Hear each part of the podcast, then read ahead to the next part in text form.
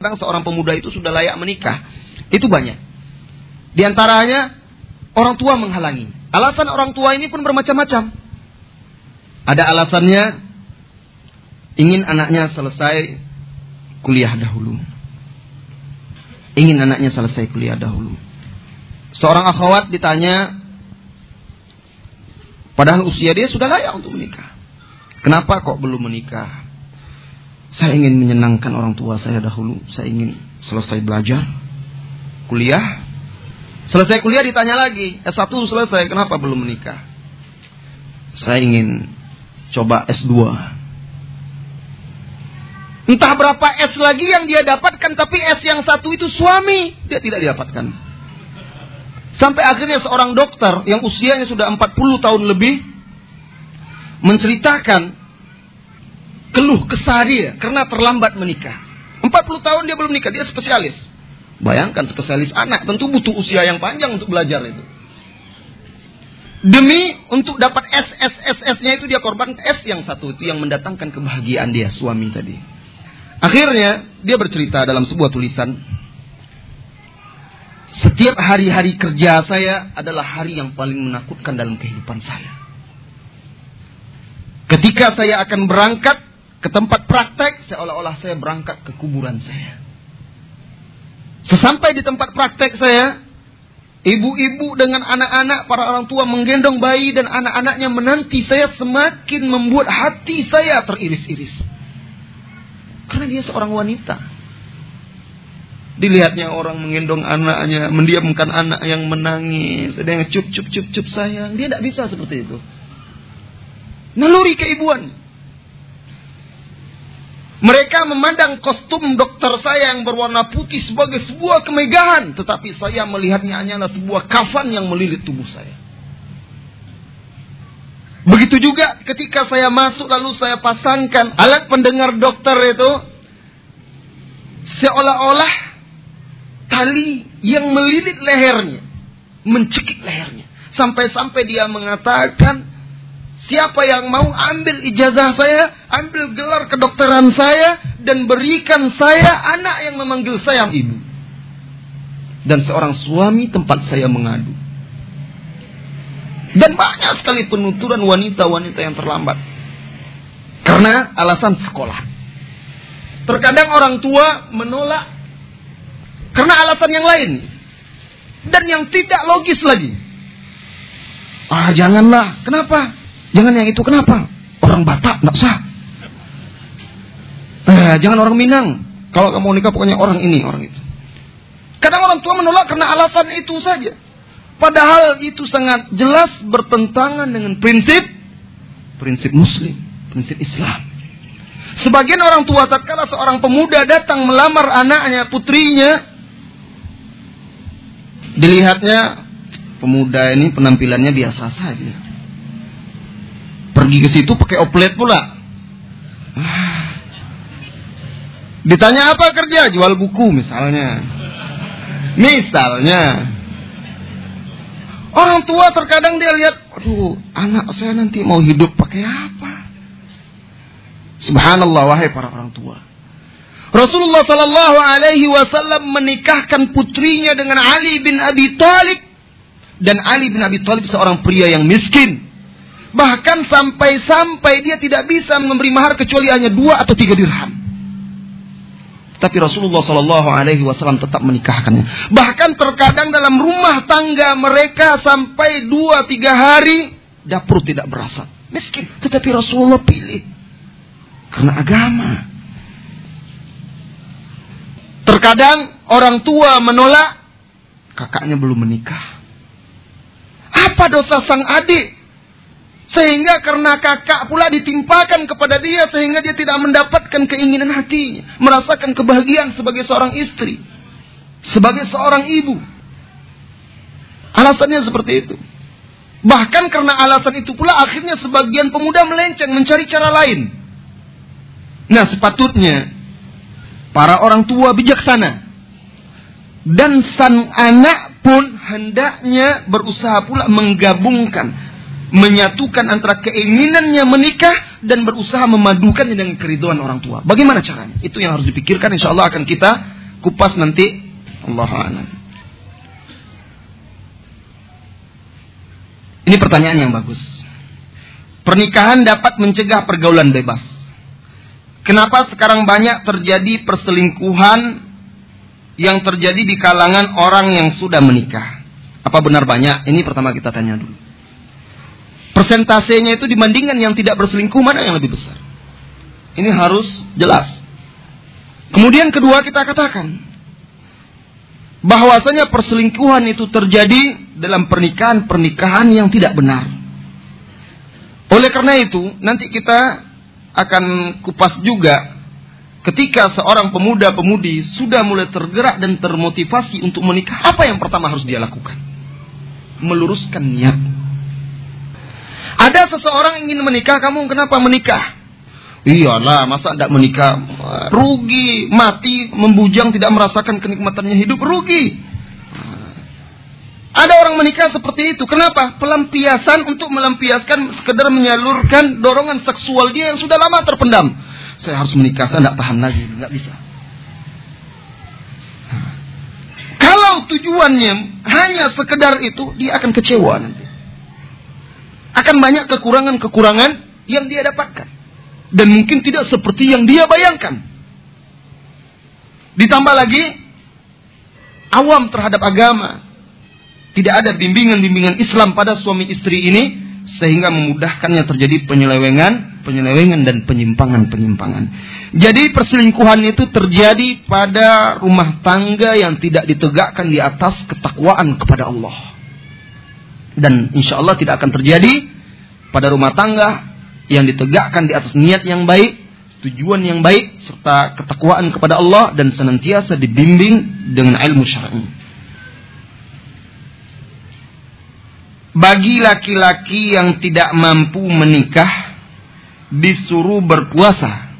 Sementara Allah telah menjanjikan kekayaan bagi orang yang menikah. Apa maksudnya? Secara zahir seolah-olah bertentangan. Kalau Allah sudah janjikan kaya ya sudah nikah aja. Mungkin begitu orang kira ya. Tidak demikian. Tidak demikian maksudnya. Ada orang dia telah berusaha dia memiliki semangat yang kuat dan telah berusaha tetapi dia melihat kehidupannya segitu-segitu saja sehingga gampang dia menikah. Nah, orang yang seperti ini kita katakan jangan takut, Allah akan berikan kemampuan kepada kamu. Ada orang yang sama sekali dia nol. Tidak punya bekal sama sekali. Tidak mau bekerja. Malas atau belum bisa bekerja. Belum bisa. Belum bisa bekerja. Belum bisa berusaha. Kematangan dan kedewasaan itu juga belum ada. Baru ada kemampuan biologis. Nah yang seperti ini dianjurkan. Berpuasa. Ya, dianjurkan berpuasa jangan. Wah, pokoknya nikahkan. Allah pasti akan beri kemampuan. Sementara semangat etos kerjaan yang belum ada belum pandai untuk berusaha, masih baru belajar. Setiap ada permasalahan problema masih mengadu kepada emak, kepada bapak. Ah, ini tunggu dulu. Ya, tunggu dulu. Karena kesiapan menikah itu mencakup kesiapan secara fisik, kesiapan secara mental, dan juga kesiapan ekonomi. Ini saling berhubungan dan menopang satu dengan dengan yang lainnya. Dan kesiapan mental ini sangat penting. Kedewasaan, kematangan dalam pola pikir. Memang dalam sebagian kasus, kasus-kasus tertentu ada kematangan itu muncul seiring pernikahan. Kedewasaan itu muncul sejalan dengan jalannya rumah tangga. Oleh karena itu di sebagian rumah tangga di awal-awal pernikahan biasa setahun dua tahun itu sering cekcok, sering masalah segala macam itu biasa. Proses menuju kedewasaan dan kematangan suami yang belum terbiasa memimpin, yang selama ini hidup sendiri, tentu akan menghadapi orang yang baru yang dipimpinnya. Terkadang banyak permasalahan yang harus mereka selesaikan.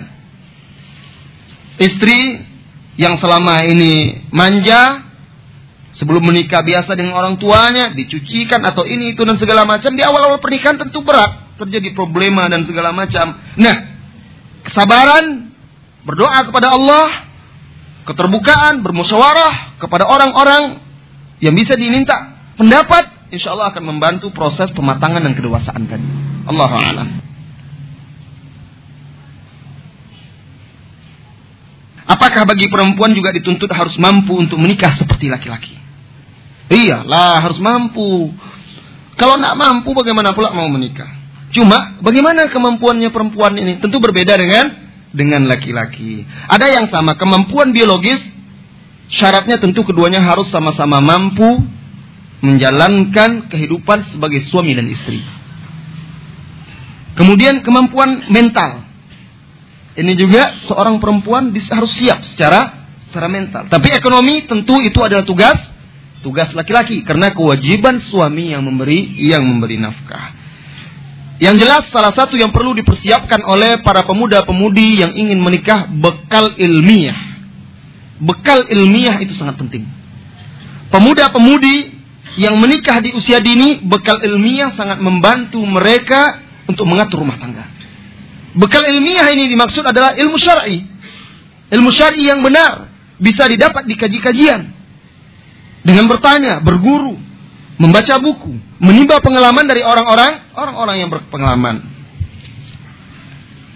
Kalau ada seorang laki-laki yang minta tolong kepada kita untuk dicarikan calon istri dalam kurung seorang akhwat. Sedangkan kita susah juga untuk mencari orang yang cocok.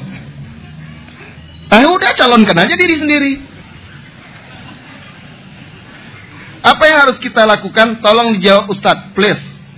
Jadi masalahnya, terkadang mungkin benar juga.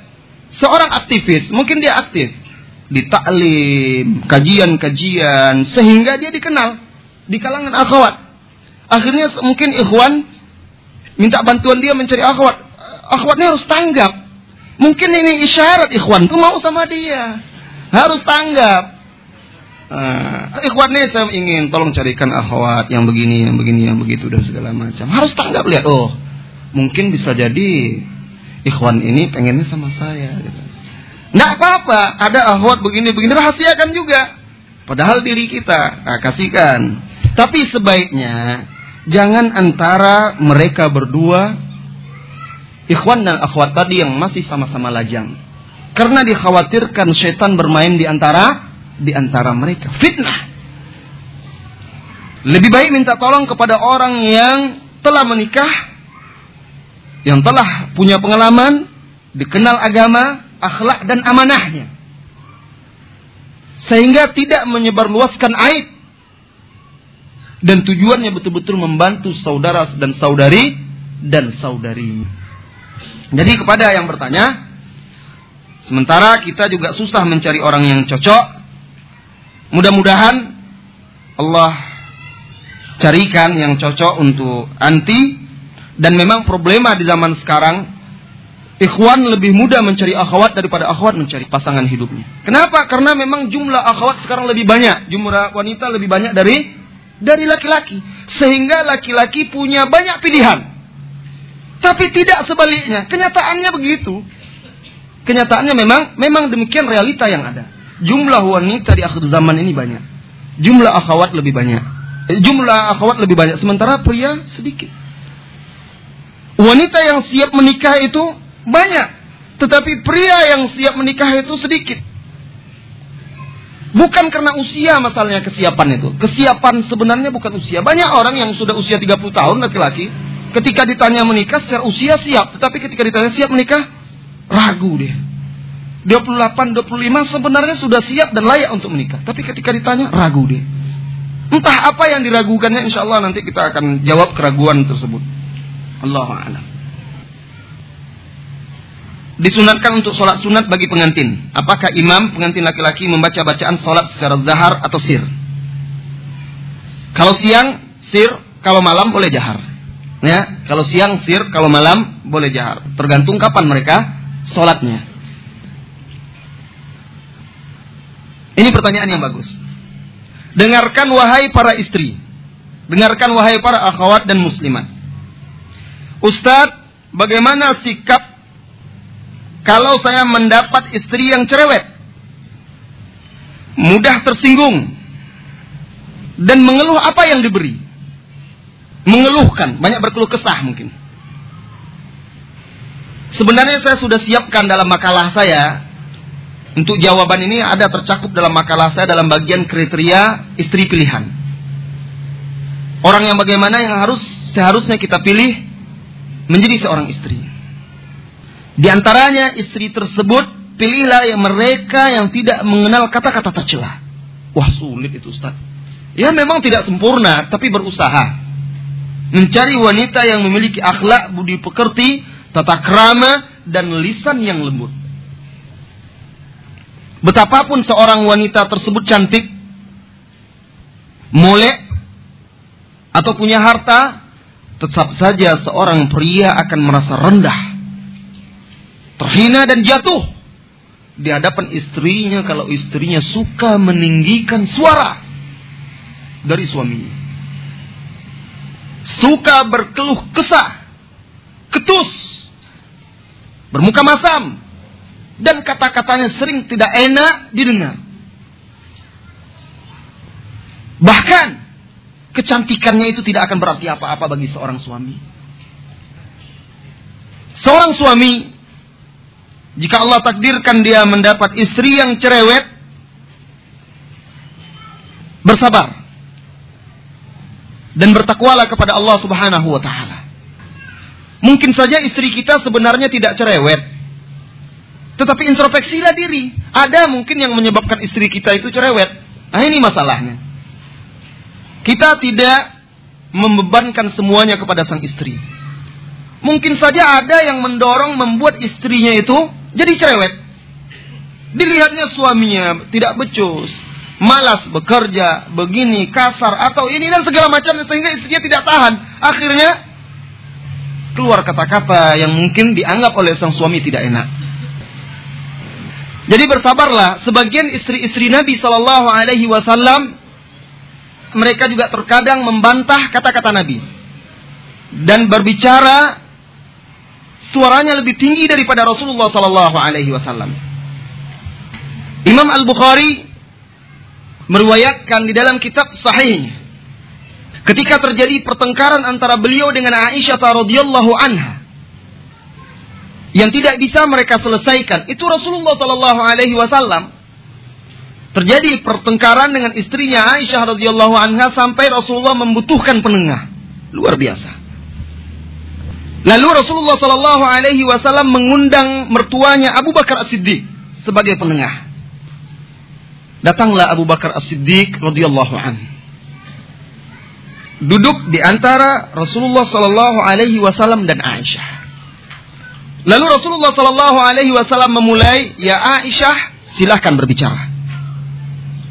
Ah, ternyata Rasulullah Sallallahu Alaihi Wasallam mengalah, bukan dia langsung bicara Abu Bakar anak kamu nih ha, begini begini begini begini tidak.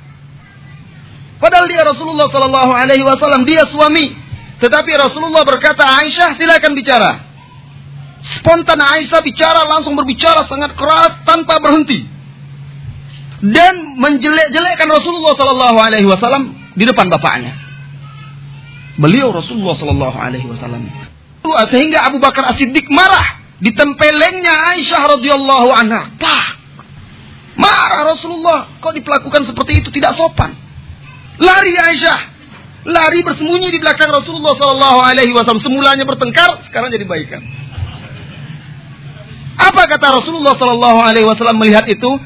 Malihada daunaka ya Abu Bakrin. Abu Bakar bukan untuk ini saya panggil kamu. Bukan untuk ini kami mengundangmu. Bukan untuk main pukul, main keras. Lihat, hikmah Rasulullah Sallallahu Alaihi Wasallam. Begitu istrinya sudah berkata-kata keras, ya, bahkan memburuk-burukkannya, mengadukan kepada bapaknya, bapaknya marah. Sebenarnya kan, wah, kalau seorang suami mungkin, ha, rasulkanlah. Karena begitu dapat angin, mertua membela, tetapi Rasulullah tidak demikian sallallahu alaihi wasallam. Beliau ingin permasalahan tersebut selesai dengan arif dan dan bijaksana. Dan banyak lagi contoh-contoh nanti akan kita temui dalam kajian-kajian kita. Ustadz tadi katakan kita dianjurkan memperbanyak umat. Tetapi sebenarnya kita butuhkan itu kualitas bukan kuantitas. Itu memang benar. Tetapi Kuantitas dan kualitas itu yang kita butuhkan, bukan sekedar kualitas. Kalau tidak, kita menganjurkan umat itu banyak. Nah, tapi Ustaz kalau kita hidup pas-pasan, lalu kita memperbanyak anak, otomatis, kok otomatis? Oh bisa jadi.